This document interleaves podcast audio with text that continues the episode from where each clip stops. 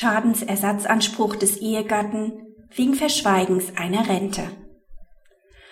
Ein Schadensersatzanspruch nach 1585b Absatz 3 BGB besteht nur, wenn der Verpflichtete eine Einkommensänderung entgegen einer Verpflichtung nicht mitteilt und das Verschweigen evident unredlich ist. Die Parteien haben 1966 geheiratet.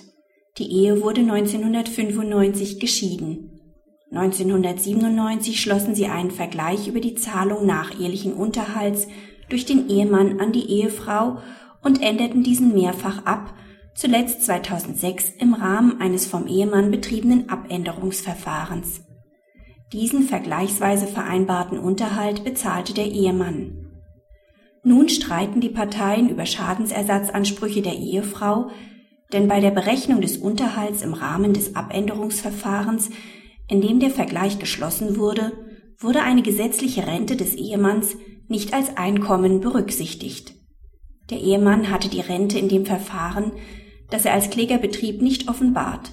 Jetzt trägt er vor, dass er den Unterschied zwischen öffentlich-rechtlichem und schuldrechtlichem Versorgungsausgleich und Unterhalt nicht richtig verstanden habe. Nur deshalb habe er die Rente nicht offengelegt.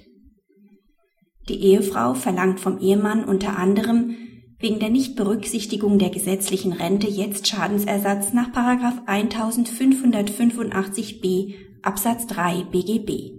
Das Amtsgericht bejaht den Anspruch. Das Oberlandesgericht bestätigt auf die Berufung des Ehemanns das erstinstanzliche Urteil.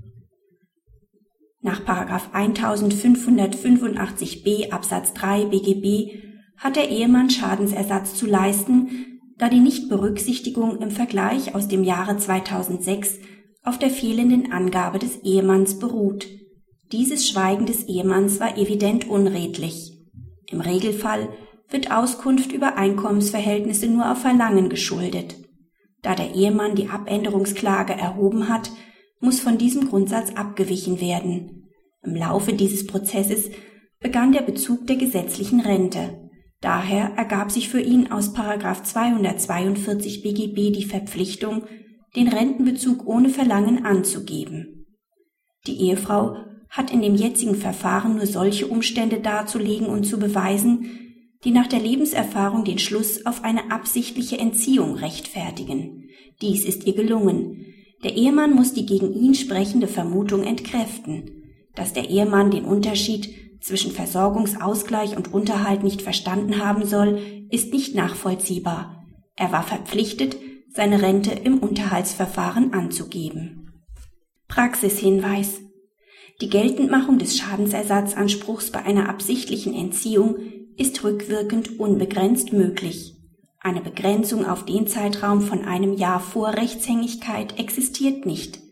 Nach dem Halbteilungsgrundsatz ist die Hälfte des verschwiegenen, bereinigten Nettoeinkommens der Schadensersatzbetrag.